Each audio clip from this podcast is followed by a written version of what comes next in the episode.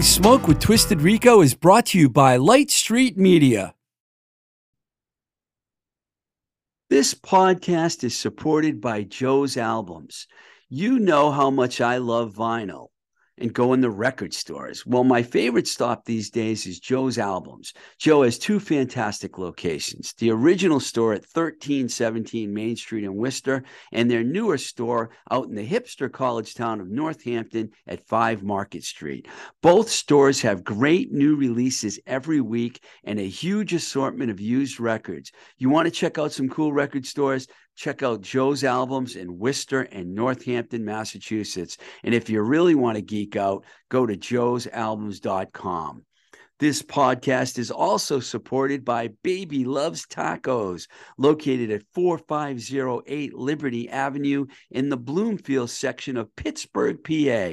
Check out the Baby Loves Tacos website at babylovestacospgh.com. Baby Loves Tacos, where everybody eats.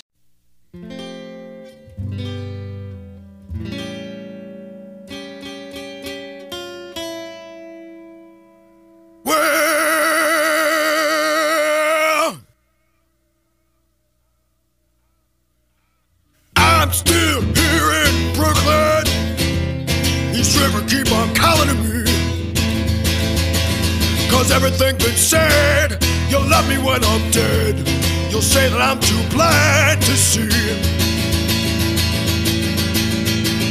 You never see the one that gets you. You never get the one that you see. How many times I'm wrong? You know it won't be long. You know that that be fine with me.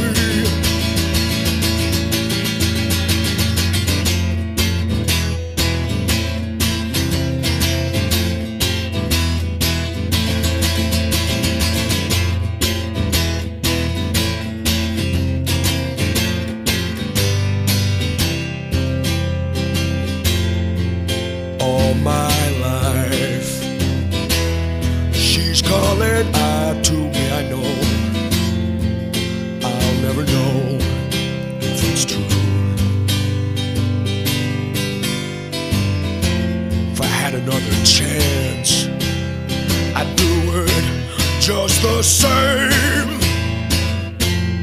Just wouldn't do it with you. Well, I must have left my heart in Pittsburgh. You tell me, baby, how could it be? You know I never win. Just take it on the chin. Why settle for a fantasy? And I'm still here in Brooklyn. These river keep on calling to me. Cause everything's been said. You'll love me when I'm dead. You'll say that I'm too blind to see. You'll say that I'm too blind to see.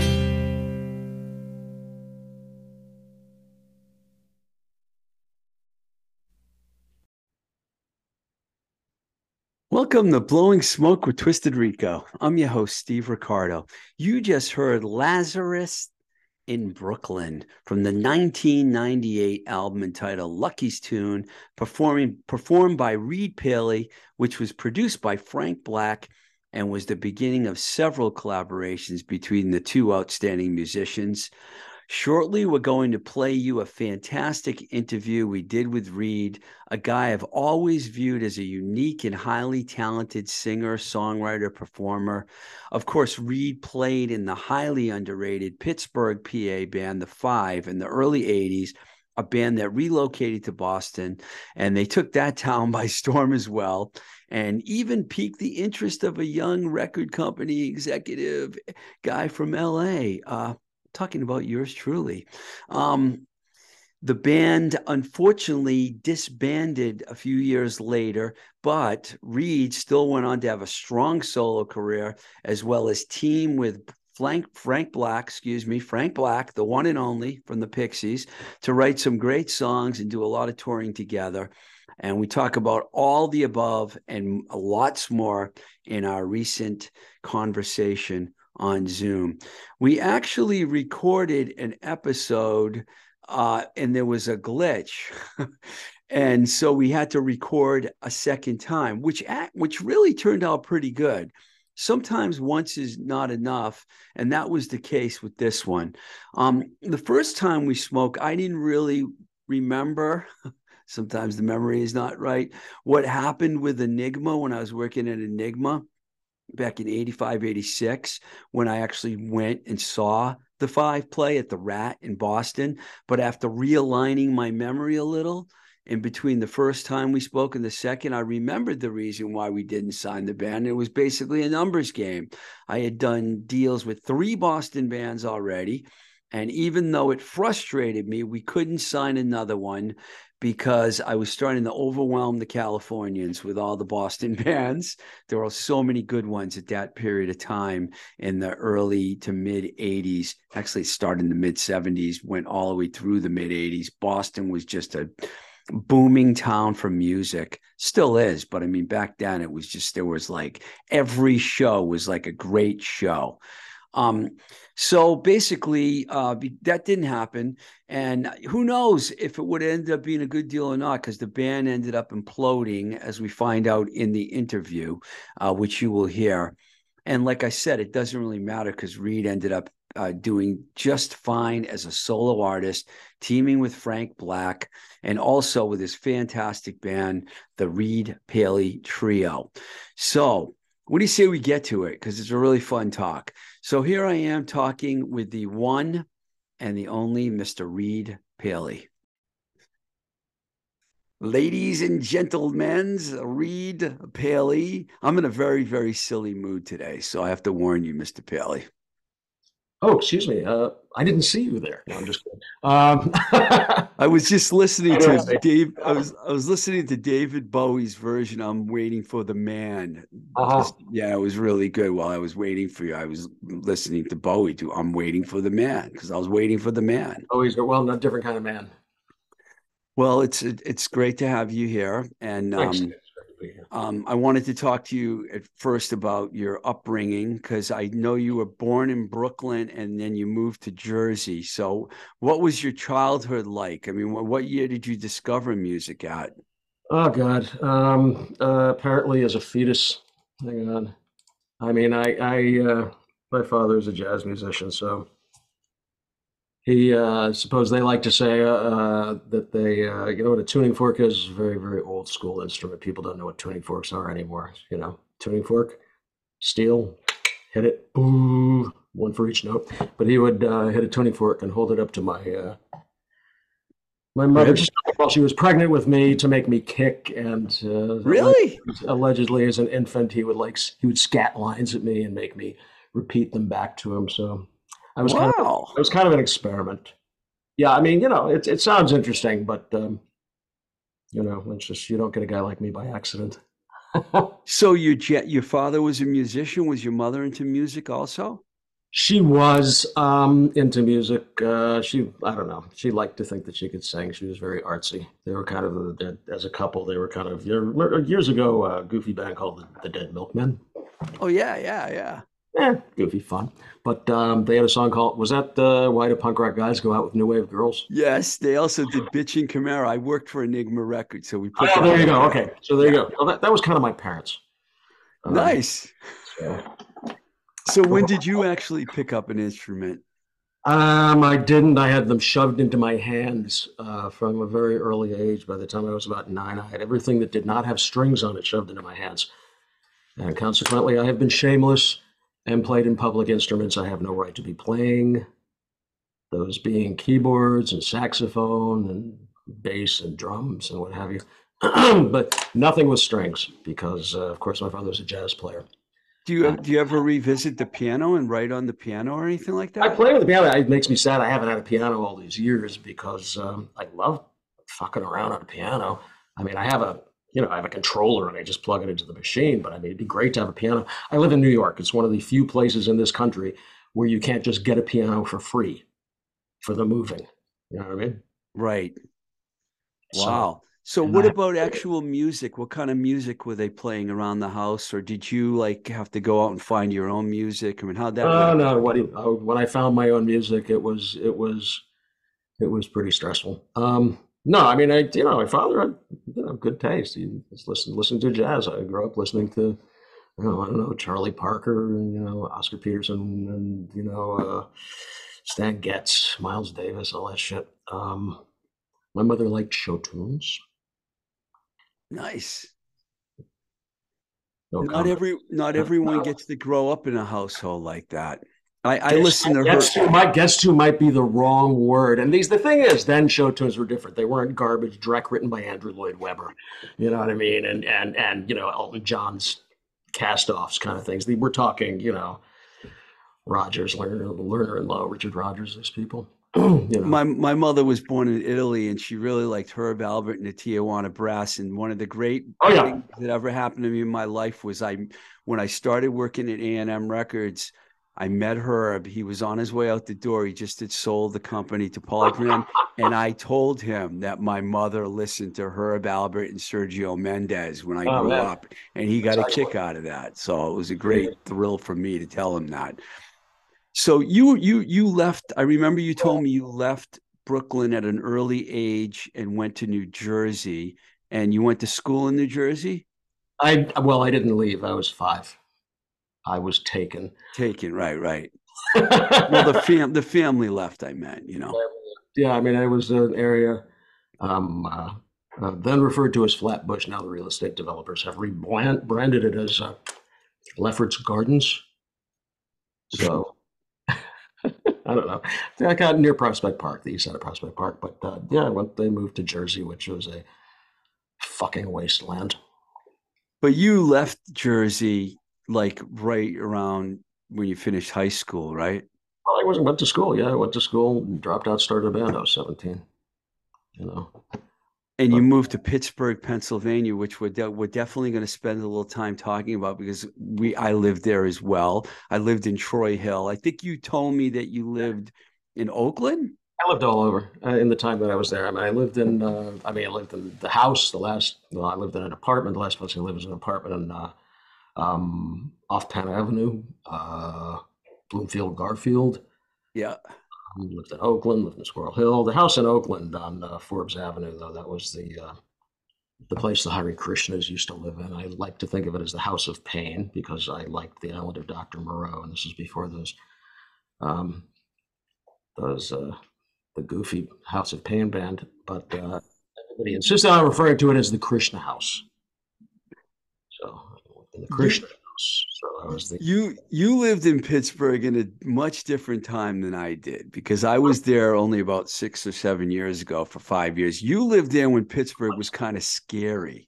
Eh, I mean, it was you know, it was more basic, more rustic, a little more rednecky. Uh, everybody was out of work. The steel mills had closed down. It was rough. There was a lot of drinking. Um, you know, coming to Boston, there was it was very odd. I was in uh, I was in Beacon Hill in the morning, like leaving lovely young lady's apartment. Anyway, and I'm I'm walking in um, in Beacon Hill, and I'm thinking something is really weird.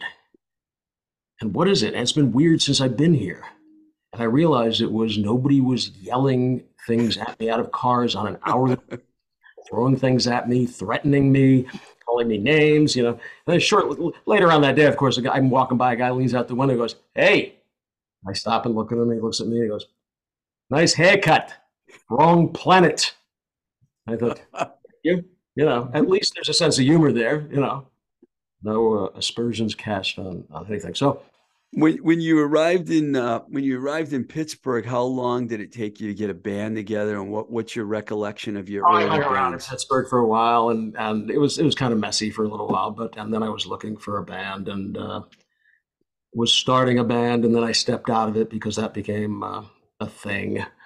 And then I started another band, and then I started uh, the Five.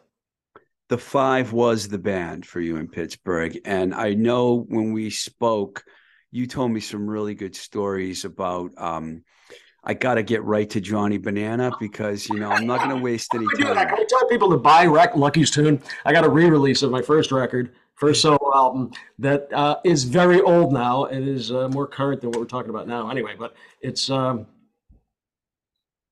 it's available. It uh, it just it just happened. It's just a real label. I was involved in uh, in uh, uh, nice label part of the BBC. Um, Demon Demon Music Group, which I think was started by years ago by some of the guys from Stiff, but um, they were putting out uh, all of uh, the Frank Black stuff, solo stuff on vinyl, and I did an album with with him with Charles called Paley and Francis. Not my idea, of the name. I did not want it to be that, but he insisted. But um, and so since I had the artwork, I was involved. I was dealing with the label, and then out of the blue, they kind of asked me, "Hey, you want? Can we, we can you interested in our putting out your records?" And I said, "Yeah, sure." You like fast forwarded on me very quickly there. Well, I know because I want people to buy the record because if they don't, no, no more vinyl will happen. so, go back. so tell your friends. I have no promo here. Clearly, I'm not Phil from marketing. Otherwise, I, I'd be on tour in Tokyo now. So I'm gonna play a couple tunes, man, on this show from from the record. I, I have four tunes that I picked out, and we, you know, that Lazarus song. I really love that. I don't know if that was re- people like that. If I knew then what I know now, people like Yeah. it. Yeah, there's some good shit. But do you want to talk to me at all about Pittsburgh? I mean, and, and how you got kind of got the electric banana going, or is that Yeah, something you don't want? I don't know. Maybe in a little bit. I mean, I just kind of really. That's it's the thing about that is I've been. That's I was. That's a long time ago. But it was a quite an achievement though, because the club became a famous club, and you were right there at the beginning of it. Yeah, I mean it's yeah, I mean it's there's a lot of I just yeah, I was at the decade and sitting uh, sitting around having a drink and it was crowded and it was goofy and it was like some local cover band was playing because there was not a lot of stuff going on then. Um, and a uh, very drunk woman, not an attractive woman. I'm a dancer, and she sat down and uh, she sat down and said, "Are you punk rock? You look punk rock." And I was like, all right, fine. And I was trying, but she wouldn't go away. And so I said, all right. And she said, you should go to my friend's bar and have them do punk rock. It's a go-go bar. And I'm like, all right, fine. Says, the Electric Banana. Go down there. Go talk to Johnny and Judy. And I was like, all right, fine, whatever, man. And um, so the next day, it was in the Krishna house, and uh, which was kind of public, a party sandbox. I'd be waking, I'd wake up in my room, you know, and there'd be somebody sitting in the chair in my room going, "Hey, you Reid Paley?" I'm like, "Fuck off, get out of my." But um, not the most outlandish thing that happened there. And um, anyway, I got up, and as I would then, it was like in the afternoon. I was like, "Really fucking." I don't know. I go out in the living room, and there's uh, one of the uh, one of my housemates and a couple of guys in my band, and I tell them about, hey, you know, there's this place, uh, a go-go bar or whatever you want to call it, and uh, we decided to go down there and uh, my friend uh, who was who was in the other band was a guy from Dublin and very very good at bullshitting. So it was decided that uh, I would be bad cop, he could be good cop. So I'd provide, you know, I don't know, not muscle, just uh, contrast. But uh, anyway, we went down there and uh, it was empty. Um, Judy behind the bar, not happy. Johnny kind of vaguely looking over at this girl kind of wiggling in a kind of desultory fashion there over there.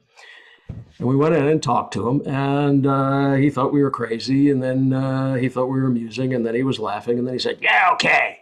And uh, so then that was the Electric Banana. And the thing is, it became a thing because there was no place any any band coming from uh, west or east between uh, Philadelphia and uh, Ohio, Cleveland. Long drive, so. And and he, I think you mentioned to me that Johnny actually wanted you to book the place at one point. Yeah, of course he did. Yeah, I mean, yeah, yeah, yeah. You know, I mean, I yeah, I didn't want to do that. I'd already been doing other things. I was, I mean, I before that, I would go around and, and we would find places to play because there were no places to play early on, and uh, uh, you know, the places to play would only book cover bands because that's all there was, you know, except for the you know the Diamond Reo Mafia, or not really the Mafia. I won't they're not the Mafia. They were just a group, a tight end group. But it was uh, it was uh, Diamond Reo and uh, and uh, then uh, Norm Nardini and the Silencers and those guys who played really well and were really good. But that they were it, and they were like really kind of homeboys, right? So there was nothing nothing new being played anywhere. It's just uh, cover bands. So Were you uh were you at the Electric Banana, the the famous the the Circle Jerks famous night when the crazy incident happened? Yes, we were there. Yes, of course. Is there any way you'd be willing to tell us your version of the story? Because I'd love to Oh, hear. we were just, I was standing there and I, Johnny was there and I was there and the bass player from my band was there and, uh, and some guys from the Circle Jerks were there and they were settling up for the night. And as usual, it was a negotiation because Johnny was, you know, he wanted to keep the place open. He was not, uh, not very easy to get paid from a lot of the times. I say this with love because Johnny is a friend. He's a, he's a great guy. He's a character and a half. Both him and Judy are great. But uh, yeah, there was some talk. And uh, at a certain point, Johnny reaches into his pocket, puts his hand into the air with his gun in it, and fires into the ceiling.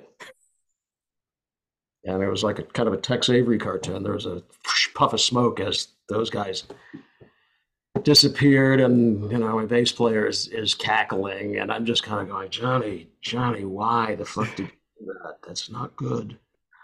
It's not good. Bad business. Yeah he was a character man. And the Circle Jerks ran back to Hermosa Beach. they run out to the well who the fuck would? I would.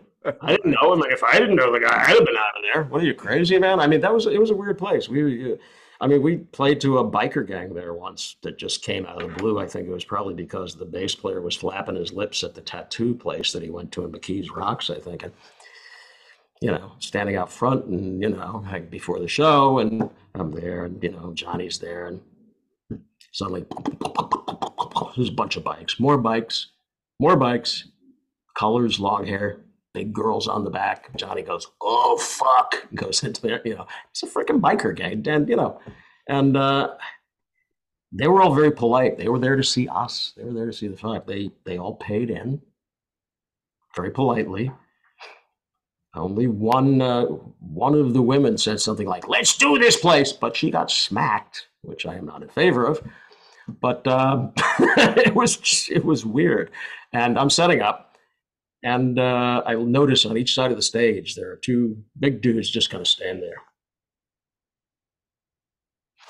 And then this giant guy comes over with a chair and sets it down directly in front of me. He sits down. He's taller than me sitting down than I am standing up. Apparently, he is the guy.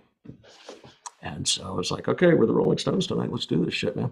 And uh, it was great. They dug it. They were great. rea- Yeah, yeah. And then after we were done, they quietly filed out and drove away. They rode away, and there was nobody else left in the club.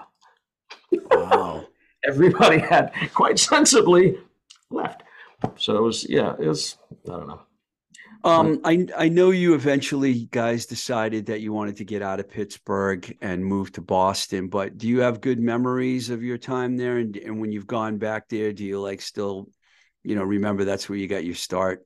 Boston or Pittsburgh? Oh, Pittsburgh. I still have, uh, still have a bunch of friends in Pittsburgh. Yeah, I mean, I'm gonna play. I, you know, I'm gonna go. I'm probably gonna play Pittsburgh sometime before the apocalypse. You know, hopefully sometime soon. I mean, uh, So, um, I started playing out again after a few years. Um, these past few months, so you know.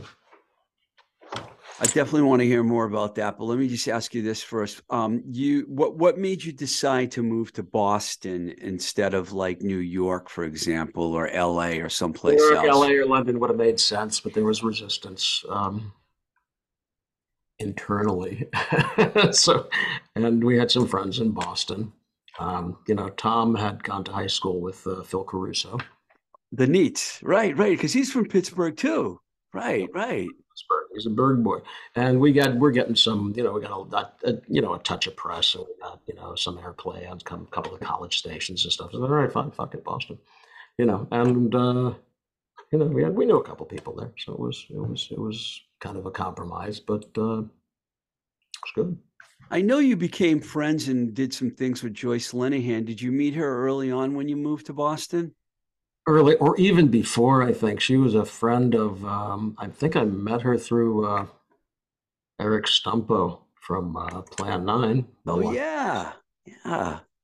And um, I mean, I, I remember talking to her on the phone, and she was like, I think must have been 19 at the time.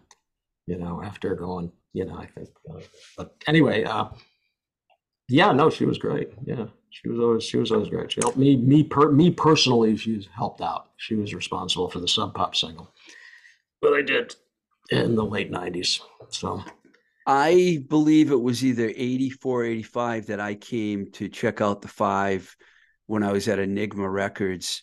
And you guys had a pretty good buzz going at the time.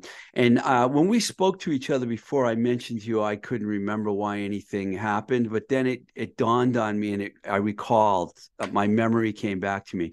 I had signed three bands from Boston, and when I went to the guys, the Hein brothers, and I said, I want to sign this band, the five, right? They were like, How many how many fucking bands from Boston do you want to sign? Another one I tried to explain to them, they're really a Pittsburgh band, but it didn't work out. And um, but I do remember seeing you guys at the rat, and you guys were great. And um, I had that cassette. I still haven't found it. Um, and you put out two really good singles before the, the cassette came out. yeah, kind of Um, band, yeah. Do you think the band just kind of ran its course? Because I know the record, a No, great the, record. band, the band didn't run its course. I mean, we were in Boston. We were playing there for almost four years, and um, you know, and yeah, I get you know, as you said, we were uh, Boston. To its credit, has a cohesive music scene for better or worse, and we were new. We blew into town, and we were kind of troglodytes. We were not used to playing on stages or places with PAs or places with lights or anything like that, you know. And we were kind of, you know, kind of gnarly looking for the time, and you know, people were a little bit wigged out, but um, very good people welcomed us, and we did well. But the thing is, I, I don't know. It was, yeah, it was uh, anybody around Boston. We were a lower priority than. Uh, you know, than their friends' bands who routinely drew 12 people or were very derivative or whatever. You know, whatever. What the But fuck? you guys had some.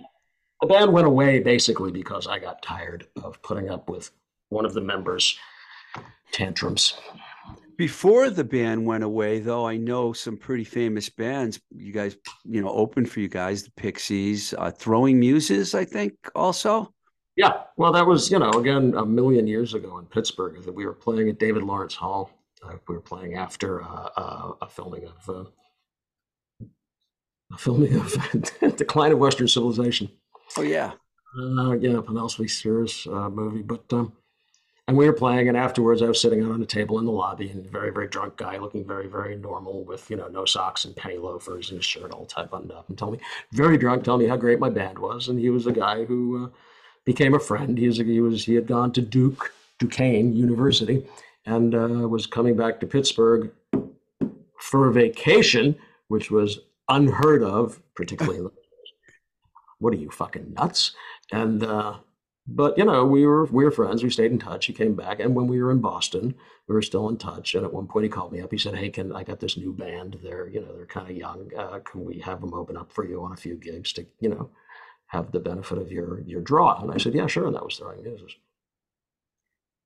nice.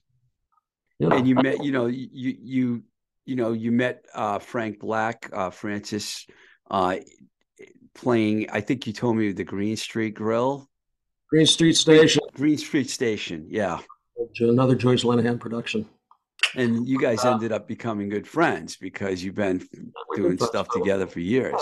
Yeah, I- yeah, Joyce is great. Joyce is pretty amazing. And um, yeah, no, I mean that was the Pixies were opening up for us. I had no idea who they were. You know, and, uh, okay, those old snorkel coats, those old gray snorkel coats with the fur around the thing, those things. So this guy comes up with the really funny to see us. Comes up, and Shake says, "Hi, you Reid Paley. Uh, uh, this is great to be on a bill with you. My name, my name's Charles." I said, "Okay, nice to meet you." And they were great. They were fucking great The was kind of amazing to watch that happen because it generally does not happen to smart, good, talented people. You know, it generally does not happen that way. So, but I mean, you know, we became friends. We had mutual friends, hung out a bit and stuff. You know, um, the Fives album came out a few years after you guys split up. Lou Giordano produced it, and it got really good reviews and everything. Yeah. And how did you feel about that when the record finally came out and people all of a sudden became really receptive to the band that was already broken up? At the risk of mentioning Joyce again, I had sent her a uh, a uh, test pressing when it came out. She called me up and she said, if there was a real band behind this, there would be a bidding war. And I said, thank you. I'm going to jump out the window now. But uh, yeah, I mean, it you know, it's it was there. I mean, it was like you know, it it came out. I mean, I don't know what. It stands the test of time, I guess. It's, uh, yeah. I mean, the thing is, is that it, it got a bunch of good reviews, and some of them were from uh, reviewers who had uh, pretty much ignored us as a living band. And so uh, there are a couple that I can think of that uh, talk about how great we were and how we were too rough and tough for the Boston blah. No, we weren't. We got, you know, we drew crowds. We played a weekend at Green Street Station as a local band with no record out and turned people away at the door.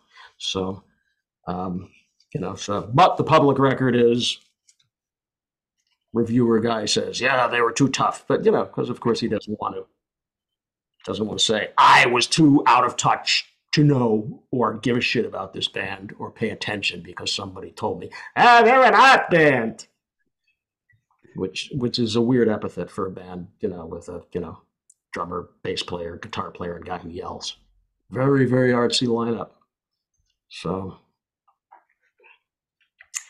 It came full circle, came full circle, and you ended up leaving Boston and moving to Brooklyn.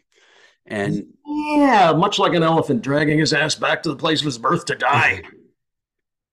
when you when you left Boston to go to Brooklyn, did you have intentions of continuing to play music and trying to get a new band together? What was the what was that the I mindset? mean, I was gonna, I was, you know, I was messing around. I was, there were some possibilities in Boston that kind of never coalesced, and then there was one I was playing with some great guys, and uh, um, the day before we were going to record, and uh, the week before our first gig, which was a pretty privileged gig, a band that had not played out before, we were playing the middle set out of three on a Friday night at the Rat. that was going to be our first gig, but the bass player just disappeared. And that kind of fucked everything up. Have you found him since? I am told that he was at one of my solo shows at Sidewalk in the early 90s talking about how we were going to play together and things. I think he probably had completely lost his mind or something. I have no idea. But that, that you know, that that happened. I mean, you know, just uh, it, it was good. I mean, it was there were some good songs. It was some good shit. It was actually it was uh, Kevin James, a brilliant fucking guitar player, was a guitar player in that band. So, but uh, I came I came to, to New York and uh, it's just oh fuck here I am now. Um, I kind of I, I was thinking of moving to the West Coast and then I, a friend had a loft in Brooklyn in Williamsburg and said come live here. So I did the Irish goodbye to the city, but then I left without telling anybody, and uh, and uh, I, you know, I figured, all right, I'm, I'm going to keep my hand in. I'm going to play on other people's projects, other people's things. And by then, it was cassettes. That was a long time ago, and um, and it would pretty much always go the same way. I would I would meet up somewhere with just with some guys who were all very rock rocker than me, man, and uh, you know. Uh, anyway, I, we would talk. I'd have a cassette. They'd throw attitude. I'd get annoyed. I'd come home, and my answering machine would be full of messages talking about, "Oh man, yo, you're great," because I give the tape of the five, and they thought, "Wow, this is good."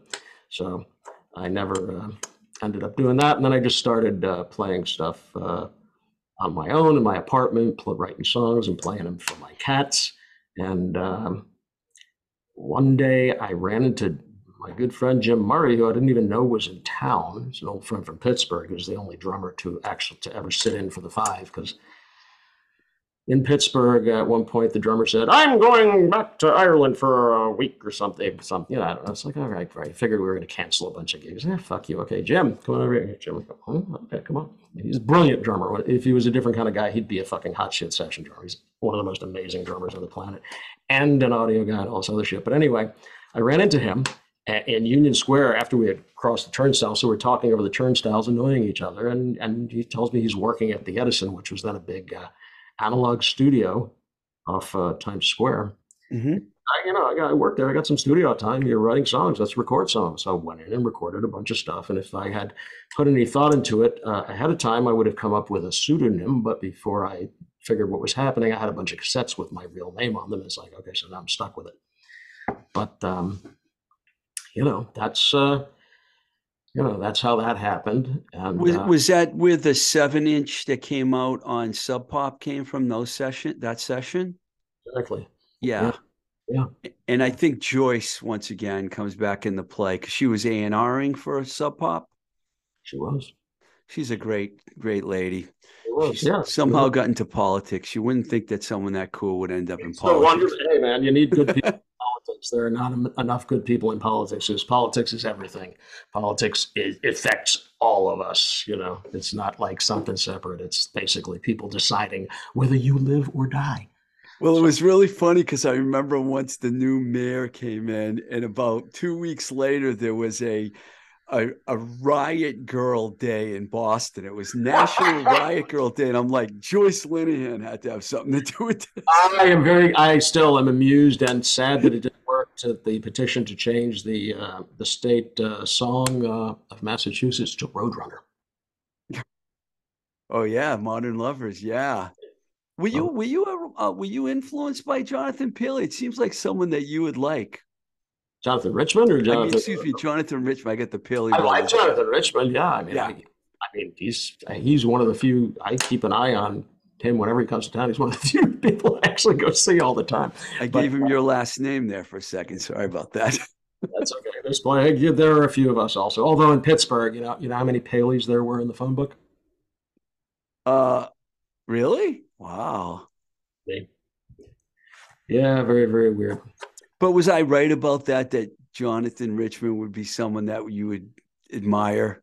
Yeah, I do. I mean, I don't, you know, I don't know exactly what kind of, you know, influences. I, it's, it's people ask me, oh, what are you influenced by? I don't know. It's like uh, a friend, a friend recently kind of nailed it in a weird way. I didn't even know if I want to give it away, but uh, even subconsciously, because I mean, a lot of the shit that I do is, um, you know, it's it's I, uh, old blues, old jazz, that kind of vibe. Um, you know, I mean, the the five originally was, you know, we wanted they wanted to be, you know, artistic and, and you know, it's like, listen, you have to learn how to lay in the pocket, you know, syncopate Yeah. a little bit, you know. And so that's how that band ended up happening. And uh, one guy was very smart, and he said uh, in a review, he said something about, uh, uh, you know, the feel of a blues band without any actual blues progressions.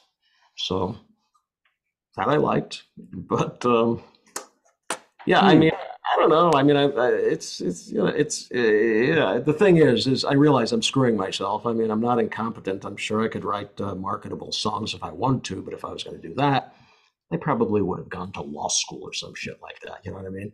Get a real job, motherfucker, as they say in America here, where everything is judged on commercial value, and commercial value has to do with anything. But anyway, um, yeah, I mean, I don't know.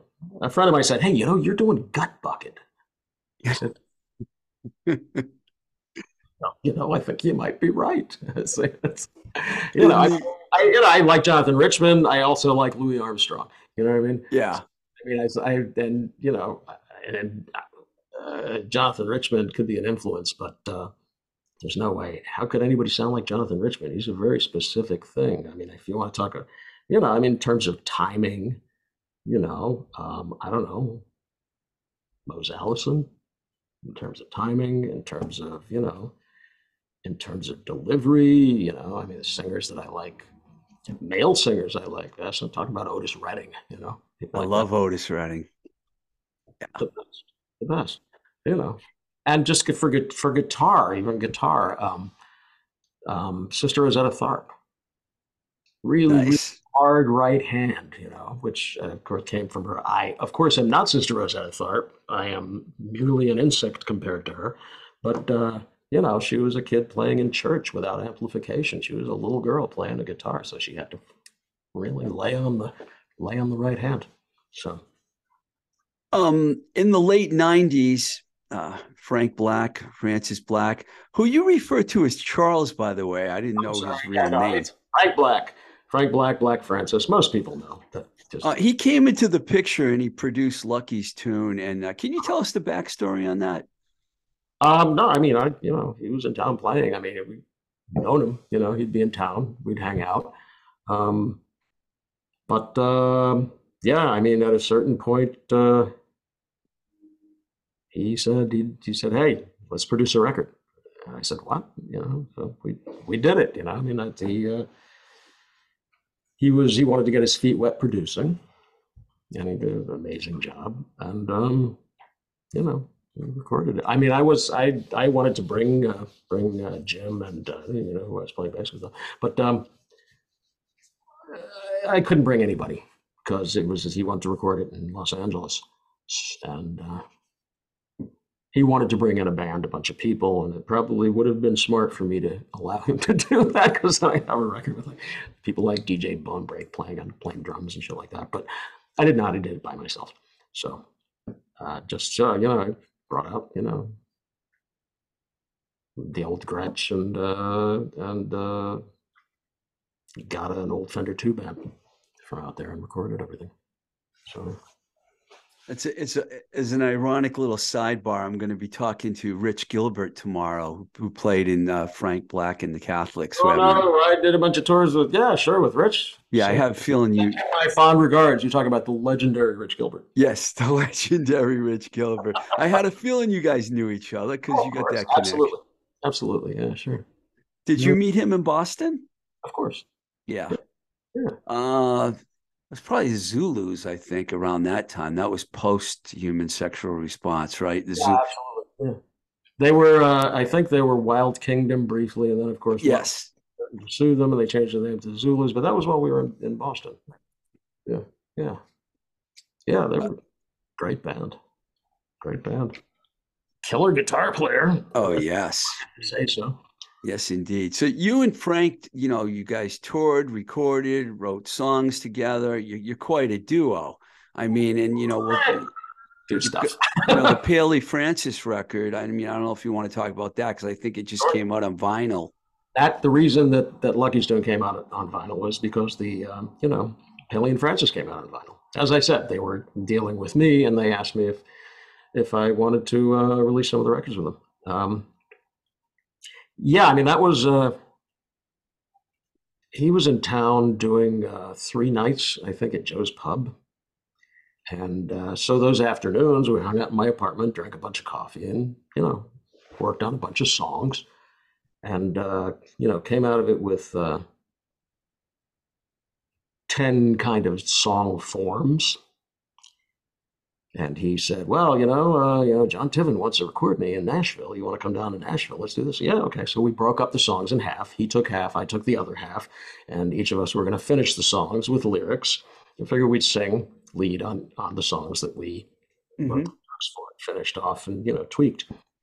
And so uh, a week or so later, I, I, you know, I grabbed my SG and went down to Nashville. Then and there, we were just finishing writing lyrics in the hotel, and you know, I was finishing lyrics to uh, one song a minute before I was going to cut them. We worked really fast. We got uh, did a bunch of most of them were first takes, and um, John Tiven brought in fucking uh, David Hood and uh, Spooner Oldham from the Muscle Ooh. rhythm section. It was fucking intimidating and amazing. They were fucking brilliant. And, uh, you know, I'm not starstruck. I don't give a fuck about anything really. But um, at one point, I'm cutting a vocal and I go, holy fuck, that's Spooner Oldham on piano over there. You know, it's Cool. yeah so we did that we did that record there and uh, and then when and then when it time to came time to come out uh, you know there was a name we needed a name and i was thinking of you know things from bertolt brecht and other kind of bullshit and i got a i think it was new year's day or something i got a text from charles saying i got a name i go okay yes paley and francis I go no he goes why i asked him no you know and we went back and forth for a while, but he's very persuasive. So, Paley and Francis. And um, we went, we did a- a- just a handful of gigs because, of course, um, you may not know that he has other projects. Um, he has another band, but we played. we just went up north and we played. Uh, we played. What did we play? Albany, Buffalo, and then an unannounced show at This Ain't Hollywood in Hamilton, Ontario. Sorely missed venue, and then we were one of the headliners at the uh, at the uh, Supercrawl Festival in Hamilton, Ontario. So, of course, because of Charles, obviously. So, and it was good. It was fun. We did great. Are you guys still hanging out with each other? You planning on doing stuff together in the future? Yeah, if there's time. I mean, you know, he's uh, he's got other things going on. But uh, yeah, I mean, it was I don't know, it must have been less than a year ago that he was through here. and We were banging out some songs, but we were mostly just, you know, just yakking and uh, you know, and doing way too much. We came out of it with like 16 fucking things. So this is unwieldy. Next time, one song, two songs, done. Right. or something because you know i mean there's different ways of working. And uh, that time we both got really excited and just spewed out way too much stuff you know? I mean one time um, we were on a tour and uh, it was coming back through brooklyn.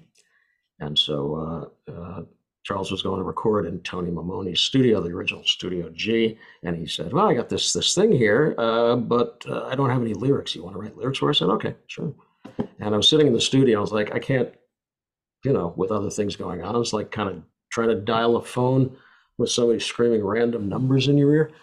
And um, so I jumped in a car. I went back to my place. And I came back 45 minutes later and handed him the lyrics. And he was reading them and he laughed. And I knew I did good. And so that was a song called uh, Don't Get Me Wrong, I think is on the Christmas album. Nice. Um, I wanted to talk to you about the Reid Paley Trio because you guys used to play a lot. I mean, is it is it, this is this still a group that you will be playing with? Yeah, I mean, we played uh, Mr. James Murray, Mr. Eric Ebel on the Czechoslovakian upright bass. We, uh, yeah, we did. Uh, we did a few gigs. We did. We played in August, September, October, beginning of December. I'm looking at the spring. Um, yeah, no, it's uh, those guys fucking kill. The secret to uh, the secret to playing: play with guys that are way better than you. But uh, Surround yourself with talent, as they say in the music business, right? Then nobody will notice that you're slacking off. No, I'm but, uh, I can't say that. I mean, it's like you say things ironically. You cannot say things ironically anymore. I think we ran out of ran out of irony in the '90s or something. But um, yeah, no, it's. I'm hoping to get some recording done. Um, I mean, I got at this point uh, easily two albums worth of songs that even I deem ready to be released into the wild. So it would be nice to get them together. It's always a matter of financing. Were you doing a lot of writing during the pandemic? I was. I was doing some, but it's interesting because people, uh, wow, you have time. You, you're getting a lot of writing. Yeah, I don't think you're really uh, familiar with how that works because, uh, you know, in a situation where you need to distract yourself to stay sane, that's kind of the opposite direction that you need to go in to write anything. You know what I mean? Yeah. So I mean, yeah, I wrote some stuff. I mean, I got a bunch of stuff that I wrote during then, but you know, not as much as uh, I would have liked to, not as much as the time would indicate. So you see yourself getting back out there and do, putting more stuff out and getting on the road and doing the whole nine yards. Uh, well, maybe eight and a half yards. I don't know. yeah, I mean, I got albums that I would love to release, and I'd love to do some some touring and stuff. You know, uh, it's easier to to to do solo stuff, and doing you know playing solo has its advantages in that it's really self indulgent. You can do whatever the fuck you want. Um, but there's also, you know, you got a, a tight band. It's great to fucking knock people down with that. So we'll see. I mean, you know, I'm still figuring out what I'm going to do. I do definitely want to record these songs, though. I mean, you know, again, we got about two dozen of about twice that that, that many. You know, it's always it's never about the songs. You know, I love when people, hey, why don't you write a song about that? Oh, thank you. Yeah, because subject matter is always a problem. because I have not lived a life and I do not have a brain. You know. I got a question for you. Do you do you write songs out of emotion, or do you force yourself to write songs? And when you do write them, is there someone that you go to to run them by, or do you just say, "Oh fuck it, I'm just gonna do it my run, way"? No, I don't run anything by anyone. No, why would I do that? I'm not. Well, I mean, thing. It's not. It's not like it's a novel and I need an editor. It's a fucking song. So, um, no. Nah, why would I run it by anybody? I mean, you know, if I'm running any, if I'm running it, uh, you know, writing, collaborating, and I really don't collaborate with anybody but Charles at this point. Then we're running stuff by each other. But when I'm writing songs by myself, no. I mean, I'll, you know, I will play the maps or whatever quickie recordings for, um, you know, for Jim and Eric, or maybe for friends but that's after I've decided I want people to hear it and it's a going concern. So it's just a gut feeling whether the song is right for you or not. You don't really need to run it by anyone, is what you're yeah, saying. I mean, if it, if it, you know, it has to, it has to, um, you know, it has to, it has to, I don't know. It's, it's just, the thing is, is that I, you know, I don't sit down and force myself to write songs because if I had to force myself to write songs, why would I do that? There are easier ways to live your life. So you do write out of emotion? No, I mean I write because I write. I don't even know what the fuck I write out of. I write just yeah. The thing is, is it um, you know, I mean, Western music. There's only like twelve. There's only like there's a the, like there's only twelve notes, and um, and in, in any genre or even just generally rock music or anything vaguely rock is, you know, there are only so many chord progressions, and it's very simple at base. You can break things down to simple things. I mean, if you can't break it down to a simple thing, it's either classical music or it's not a song. It's really an arrangement. But um, uh, it, it's it's kind of like a, a, it's like kind of like haiku or something. I mean, you know, I mean, a song is uh, I don't know. It's kind of like a kind of like a Rorschach blot. It's kind of like a message in a bottle you know? So i mean i'll you know i'll go record something and then i'll go okay and all i can think of is what i should have done. And then i mean years later even it'll catch me by surprise or i'll hear it you know? I mean i was had a, a day once where i had an old ipod shuffle. Oh yeah i remember those. Comes this song i go wow this is fucking cool. This is really fucked up and funny and lonely and weird. And I got, it took me about three seconds to realize it was me and so, you know, and the thing is, and, at one point, I mean, that's another thing. I mean, writing with Charles is really interesting because it made me realize exactly, I guess I was the hippie or something. Because, you know, he would say, well, what's the meter? You know, what's the song about? I'd say, we'll figure the song, we'll figure, we'll know what the song's about a year after it's released.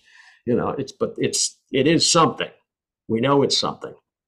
But, um, do you listen to a lot of do, do you listen to a lot of music? I mean, other, you know, other than the stuff you work on, do you have like a record um, player or a yeah. Li- yeah. yeah. Is yeah, I mean, I don't know. Um, I uh, I go through things. I mean, one of the ways I use the uh, I, this the evil streaming service. I'll make a playlist of you know I have a playlist of like a dozen and a half of the good versions of the way you look tonight, kind of things like that. You know what I? I, like, I, I, like, you know, if I like a song, I'll kind of obsess over it and I'll listen to it over and over and over again because I want to know exactly what's there and what's happening. Okay, that's what the bass is doing. Okay, what's that in the background? Okay, that's not a tenor sax, it's an alto sax. You know, I mean, um, I've been, you know, listening to this one of the, this song from I again, my good friend Jim Murray was riding a bike, doing his thing, and at home, and had some, you know, program or something, and it took him through Rome, and it played a clip from a Lucio Fulci movie, uh, featuring Mina, who I was previously unaware of because apparently I'm an American ignoramus, and she has been enormous in Italy since the 1950s. And uh, it's a thing from 1960, her singing a song called Nessuno and I listened to that about 1700 times in the past wow. month. I've had it on repeat. I'm doing that recently. I'm listening to a lot of Al Green, um, back to Sister Rosetta. Um, you know, I mean, I, am kind of all over the road. I, you know, I, you know, Kathy Heineman. Is that Heidemann? Kathy Heidemann. But um, yeah, I mean, I, I, listen to a lot of different stuff. I mean, in, in, Pittsburgh, there would be a big party, and people would come into my room in the middle of the hell, you know, the 17th party that week, and I'd be, they would be all bummed out and weirded out because I was listening to, uh, I don't know, Mose Allison or Aerosmith, you know, or the Four Tops, you know, I'm supposed to be listening to the Sex Pistols or something. Uh, you know, I mean, the, the thing is, again, in, the Pittsburgh being a weird place that nobody gave a shit about, and one of the reasons we left was because there was no digital world and nobody from any label or any place could give a fuck, and they weren't going to go there. Um, so, you know, and much much in the same way that the flora and fauna of Australia is weird because there's nobody around it, and, and it, it kind of grew in its own world. That's kind of what happened in Pittsburgh, and you know, the whole idea of punk rock then was a little bit wider, uh, way before it became, you know, four white guys yelling over four four, you know. Right. And you have the hardcore scene. And good hardcore bands are really great, but hardcore is a very limited genre. You know, so is rockabilly, you know. And how many rockabilly songs are there? Three? Two out. Two of those three are about going to the hop and getting real gone and getting your girl or, or whatever, you know and it's fine. It's great shit. It's fun as fuck. But it, it's you know it's a tight genre. And the thing is, again, one of the reasons that I am where I am and who I am is uh, because I am not so interested in genres. And uh, that's not a bad thing. Oh, it's a terrible thing in terms of living and surviving in a capitalist culture because you know you can go to any town in the country as a psychedelic band, and there'll be a bunch of guys with bowl haircuts and paisley shirts and pointy shoes and semi-attractive women in mini skirts that can can't dance. You know, you can go to any town in the country as a hardcore band. There'll be a bunch of guys with bald heads and leather jackets. You can go. You know what I mean? If you're part of a genre, if you go to, if you're a rockabilly band, there is a place to plug into. There's a a, a thing. And now, what am I? You know. So I mean, I, you know, there and there are people who are in hardcore bands that like what I do. There are people who are in rockabilly and psychobilly bands that like what I do. There are people in jazz bands that like what I do. There are people, you know. So if you're not easily definable as a genre, you know, how can we sell this? Uh, you know, kind of thing like that. And so that I think probably contributes to uh, to my obscure status. well, but hey, you're all over the place. Thank you very much for taking the time to talk. Of course. Us. Tell people to go to my website. Tell people to buy my record because yeah, go ahead, plug whatever you want, man. They won't be anymore. What what's the what's the website? Uh, well, my website is my name, if you can spell it. It's a uh, neglected, and uh, at this point, uh, it went from being ridiculously old school to like charmingly retro. Um, ReidPaley.com? R E I D P A L E Y dot com and Linktree slash Reid Paley. Um, easy, horrifyingly easy to find, which is really kind of nerve wracking. But um, but uh, yeah, it's uh, it's good. The mastering is great. Sounds good. it looks good. And if you and if you tell your friends, maybe the nice people at Demon Music Group will release Revival and Hellhound and God knows what else. I think you nailed it. Thank you. Is that is that it? Is that good enough? Is that That's selling good. enough? I've been told I'm not selling enough. I think I think you sold you sold it. From marketing, this is merely. I had a friend say, "No, you should do uh, do do crowd uh, sourcing thing." I said, "I hate doing crowd sourcing." He says, "No, you can do a video. You can sit there looking pissed off. I can say, this is my friend Reid. He doesn't like fucking doing this. I could be going like that. You know what I mean?" I, but I can't. It makes me crazy. You know, people I keep saying it, you know, you know what I like about the music, about music? I like I like writing music, I like arranging music, I like rehearsing music, I like recording music, I like playing out. Do you know what I don't like about music? Marketing. Every fucking thing else. Everything else. Everything else. Everything else I fucking hate. Thanks, man. I appreciate your time. Full of love. Thanks, Steve.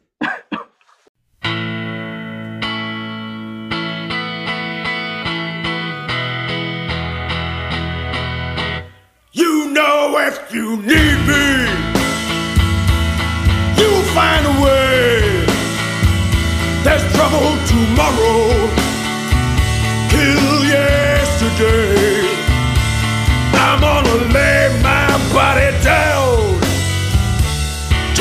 You want from me.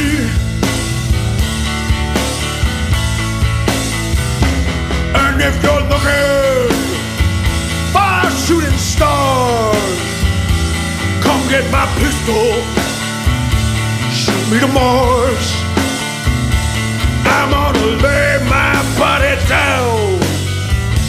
Take what you want from me. I'm on my way now. I found a friend who might lead me home again. Might find a savior. Might wanna say. You're right, I'm wrong. Not yet, but it won't be long. Come drag my broken bones eh? away.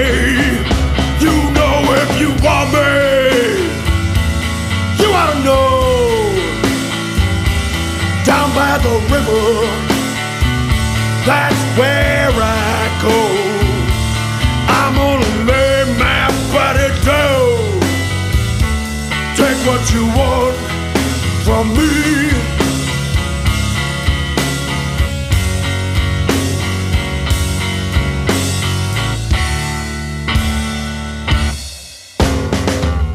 Take what you want from me.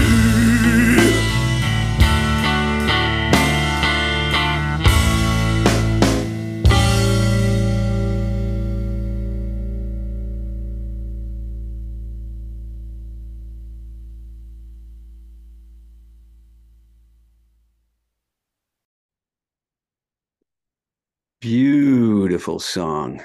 Take What You Want from the album Approximate Hellhound versus the Monkey Demon by the Reid Paley Trio. Can't believe I didn't ask him about that title in the in the uh, interview. There was so much to talk about, man. I was really kind of fixated on his Pittsburgh days because the whole story and everything about the electric banana both the story, all the everything about the electric banana was intriguing to me, and I'm sure my friends in Pittsburgh and other Pittsburgh people will enjoy hearing those stories because that was a legendary rock room, which is now an Italian restaurant. You know, I don't know if I mentioned it in the interview. I can't remember, but I went there once with my buddy Ted Williams when I was living in Pittsburgh, and we went. I, we went to check it out, and um, Johnny Banana brought us some meatballs. I think I mentioned it in the interview or not. It was in one of the two times I talked to him. I talked about the meatballs at the uh, at the Italian restaurant that used to be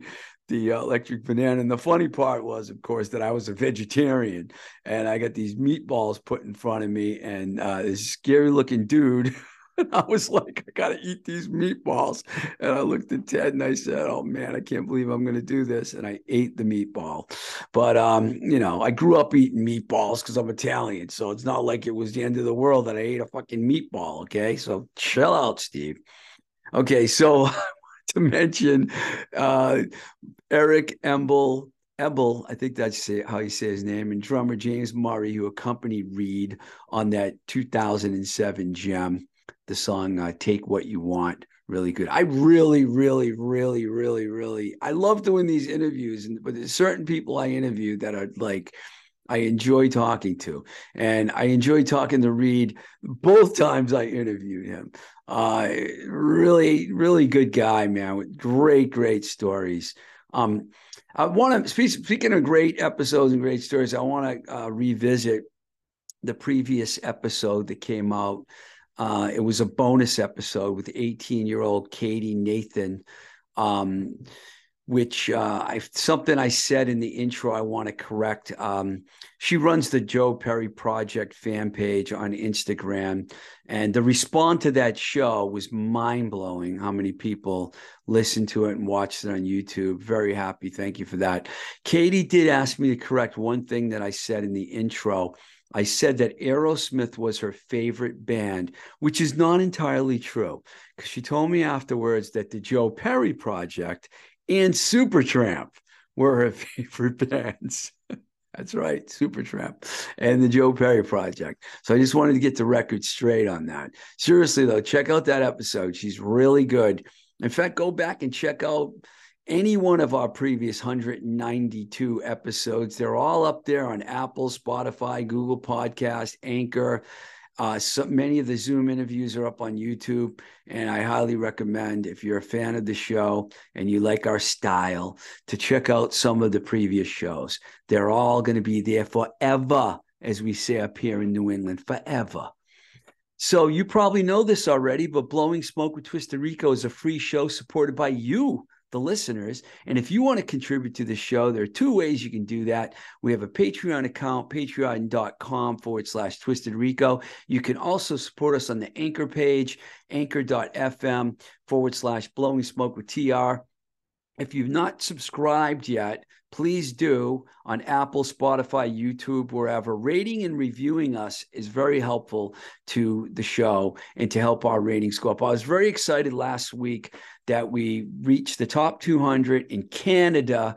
Oh, Canada. Thank you, Canadians, for listening. We are number 183 in the top 200 music podcasts on Apple.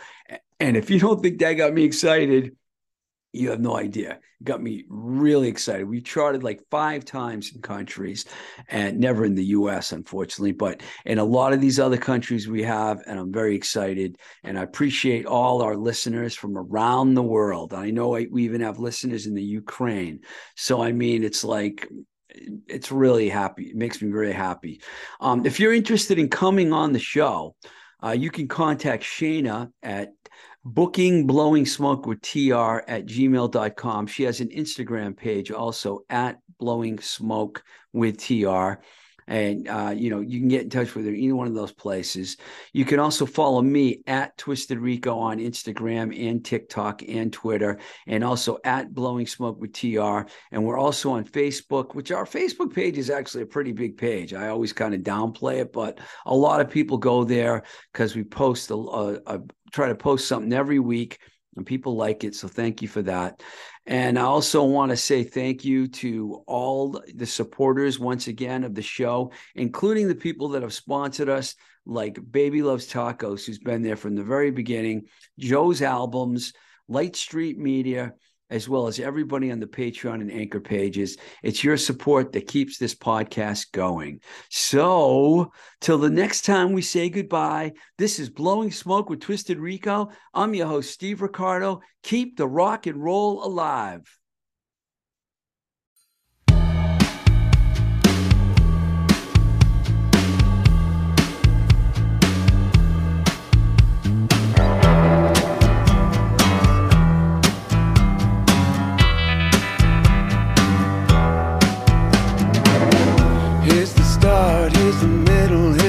Finish is the end.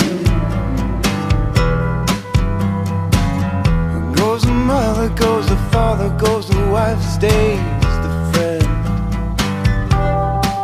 Got a bunch of cigarette burns in the back of my head. Bunch of cigarette burns in the words I've said. If I die tonight, hold the hand inside and know that I was never meant for normal.